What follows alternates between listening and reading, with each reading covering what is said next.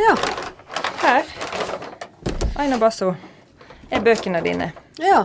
Ei faktabok om hekser, fire historiske romaner, to av de om reisende eller tatere. Ei om blodskam eller incest, og ei om hekseprosessene i Finnmark. Hvorfor vil du sjøl sortere øverst i bunken? sånn etter hva kriteriet tenker du på? Hva, hvorfor er du har mest lyst til å vise fram, kanskje? Å, å spør vanskelig. Nei, altså, den boka som blir mest brukt, og som har gjort det best, den ligger allerede øverst, og det er nå Inn i elden om hekseprosessene i Finnmark. Så det er på en måte lett å trekke fram den. Eh, jeg jeg veit ikke om jeg er mest fornøyd med den sånn litterært sett eh, og innholdsmessig sjøl, eller om, bare, om, det bare er lettere å på en måte trekke fram den pga. at den blir likt av så mange, da. Eh, flere kanskje enn de andre bøkene. Lest av flere. Men eh, ja. Og si inn i elden. Ja. Mm -hmm. hva, hva, er det du er eh, fornøyd med med den? Nei, altså, eh, Jeg syns det er et utrolig spennende tema. Hekseprosessene, eh, og hekseprosessene i Finnmark spesielt, det var nå der det var verst i Norge. Eh, og så er jeg glad i det landskapet som jeg prøver å få fram gjennom teksten. Litt sånn arktiske, skjøre, men rå landskapet der oppe. og så syns jeg at jeg har fått litt sånn saft inn i språket der, altså. Eh, rett og slett. Og det veksler litt mellom det litt sånn sarte og poetiske kanskje i Dorothees stemme, og litt mer sånn saftig eh, nå er ikke bygdsk kanskje et ord, men litt sånn um, i Elens stemme. Så jeg, ja, så jeg liker litt, da. At hun er litt råere, på en måte. Og at jeg, jeg prøvde i hvert fall å speile det i språket deres, og jeg tror kanskje jeg klarte sånn, i hvert fall til dels. Mm. Mm. I denne Inn i elden, uh, møte med to unge jenter som kommer fra hvert sitt land, hvert sitt samfunnslag. Dorote fra København er blitt gifta vekk til en mann som er mye eldre enn hun sjøl. Mm.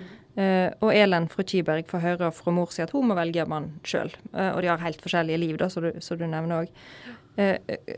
For, for, å snakke om den boka først. Uh, hvorfor ville du bruke to hovedpersoner i en bok om, om, hekseprosessene i Norge og i Finnmark? Ja, nei, altså Jeg ville gjerne se disse her hendelsene fra to perspektiv.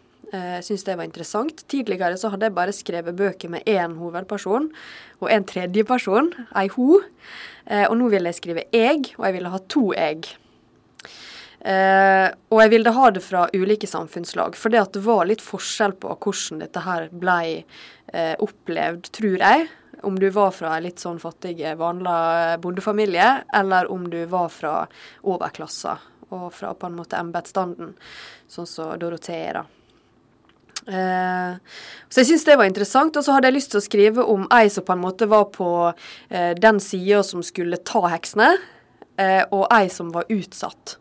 Eh, som var i en utsatt posisjon.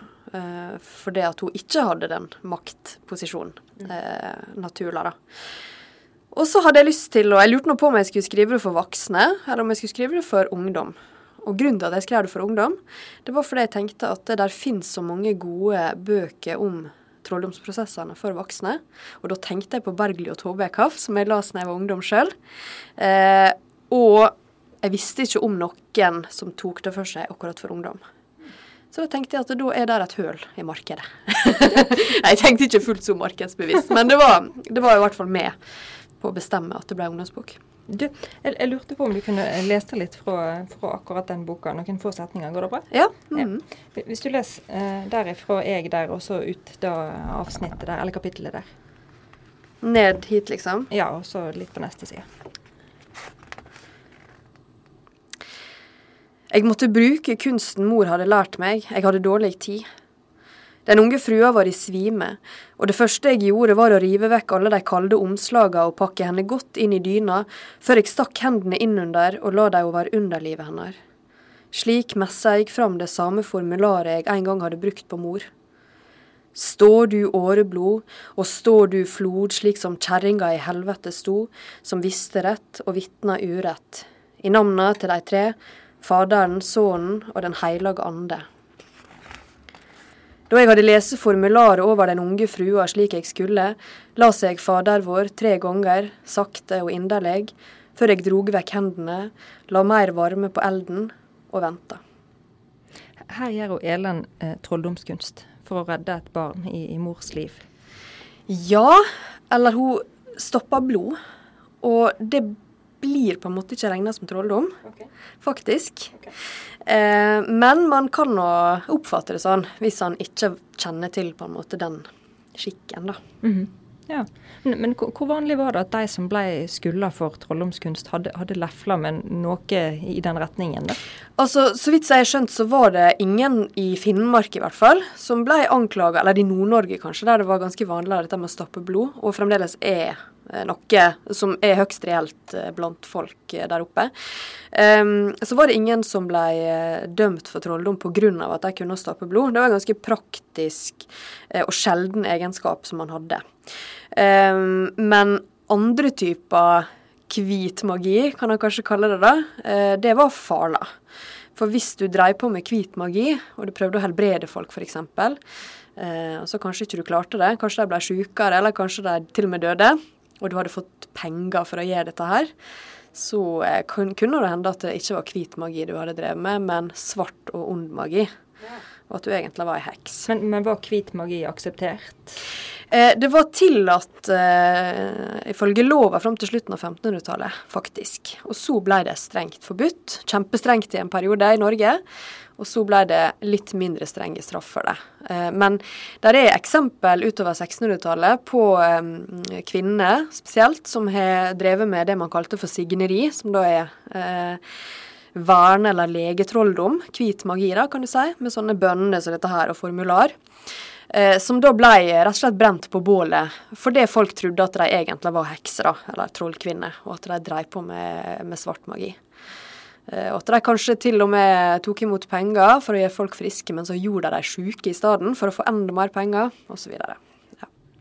Du er historiker av, av utdanning. Mm. Um, hvor mye vet vi om uh, kvinnelivene for 200 år siden, eller 300-400 år siden? Nei, altså det er nå det som er en mangel i eh, historieskrivinga, eller var det i hvert fall, fram til liksom kvinnehistorie kom på banen da, fra 70-tallet og, og framover. Så har nå det vært litt lite fokus på kvinner, annet enn disse her store, viktige eh, kanskje dronninger eller andre elitekvinner, da. Så det har vært litt sånn lite fokus på det vanlige kvinnelivet, og det har jeg blitt interessert i å trekke fram og finne ut mer om for min egen del men også å løfte fram i lyset. da. Mm. Eh, og da, Nå er jeg historiker, så jeg kunne nå gjort dette her i eh, saktekster. Skrevet sakprosabøker eller artikler, og det har jeg nå gjort med. Skrevet mye artikler. Eh, men det er nå litt fint å skrive om det skjønnlitterært også, da. Det er nå denne friheten til at han faktisk kan dikte videre på de sparsomme opplysningene som finnes i kildene. Og det liker jeg godt å gjøre, da. Da kan jeg på en måte utforske det for min egen del også, samtidig som, jeg, som leseren får utforske det, da. Eh, når han eller hun leser boka. Eh, men, men, du skriver om uh, Maria som havner på tukthuset som barn. Uh, om Elen som opplever heksebrenning, og om Ingeborg som blir voldtatt av, av stefaren. Hvor, hvor går grensa for hva du syns er OK å skrive om? Nei, det veit jeg ikke ennå. Jeg har ikke nådd den grensa ennå, da. Men um, altså, jeg tror uh, det jeg er opptatt av hvis jeg skriver om noe som er mørkt, så er jeg fullt opptatt av å balansere det opp imot uh, det lyse. Uh, at ikke alt skal være mørkt, og det trenger ikke å være så fælt som du kan tenke det. Du trenger ikke å gjøre det så fælt som overhodet mulig, liksom. Men, ikke, men, han skal kunne gå inn i det mørke og inn i det som har vært urettferdig. og de overgrepene som, eh, som har skjedd. Uh, og jeg tror det er viktig å trekke det fram i lyset, da. Og, og, og, ikke skjule det. Det er liksom noe med at at det sprekker når du kommer fram i lyset, på en måte. At du får Ja.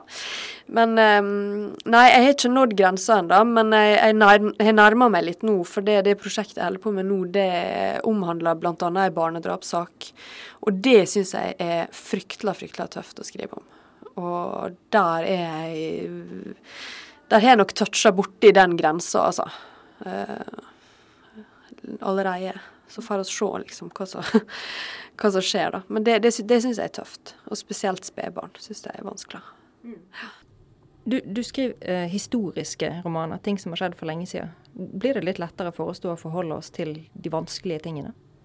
Det tror jeg faktisk. Eh, at den historiske distansen eh, gjør at oss på en måte kan kan lese om, eller for min del skrive om, ganske mye tøffere tema. Jeg veit ikke om jeg hadde klart å skrive ei sånn overgrepshistorie som jeg ingen må vite, fra vår tid. Med ei jente som ligner på meg sjøl, eller som ligner på noen jeg kjente, eller kanskje på noen jeg er tante til, eller er i familie med. sant? Det veit ikke om jeg hadde klart å gjort. Det tror jeg hadde vært mye vondere enn å skrive om Ingeborg, sjøl om det også er vondt. Mm. Så kanskje er den distansen eh, Ja, den gjør det nok lettere, og, og, men, men jeg, tror, jeg tror ikke den gjør det så lett at det blir verdiløst. At han ikke kan bruke det til noe etterpå, for det tror jeg han kan gjøre. Men, men da kan han på en måte i etterbehandlinga av teksten, den som skal jobbe med teksten, kan på en måte trekke linje til vår tid. Eh, på, ja. Mm. Sjøl, da. Du skriver jo såpass fullstendige hovedpersoner at det, at det, går ganske lett å leve seg inn i de, eh, og tenke at dette, dette kunne jo vært meg. Eh, sånn at på et vis så blir det unge jenter i vår tid òg. Så, så, så, tenker du det historiske mest som, som kulissen, eller tenker du, at, at, uh, tenker du mest at dette er historiefortelling, eller tenker du mest at dette er en roman, for å spørre på den måten? Ja, altså dette med kulisser er litt interessant, altså jeg kan godt svare litt på det med. Uh, for jeg tenker absolutt ikke at det historiske er kulisse. For det er for meg er noe historie viktig i seg sjøl. Jeg bryr nå ikke meg så mye om om dette her gir gjenklang i vår tid. Jeg syns dette her er viktig i seg sjøl, interessant i seg sjøl, provoserende i seg sjøl, fascinerende i seg sjøl. Det handler om vår egen fortid. Hvor oss var og hva vi gjorde før vi kom hit og er i dag. Og så syns jeg det er utrolig viktig at vi ikke gjentar feilene våre. Men det ikke jeg om vi er så flinke til. Nei, altså når jeg skrev disse bøkene om reisende, da, eh, 'Fange 59 Tatapike' og 'Finne ly', der en av f.eks. Maria blir satt inn i tukthuset i Trondheim av to grunner. Hun, he, hun er reisende eller tater, og det å være omstreifer er ulovlig. Og hun er tigga, og det er forbudt.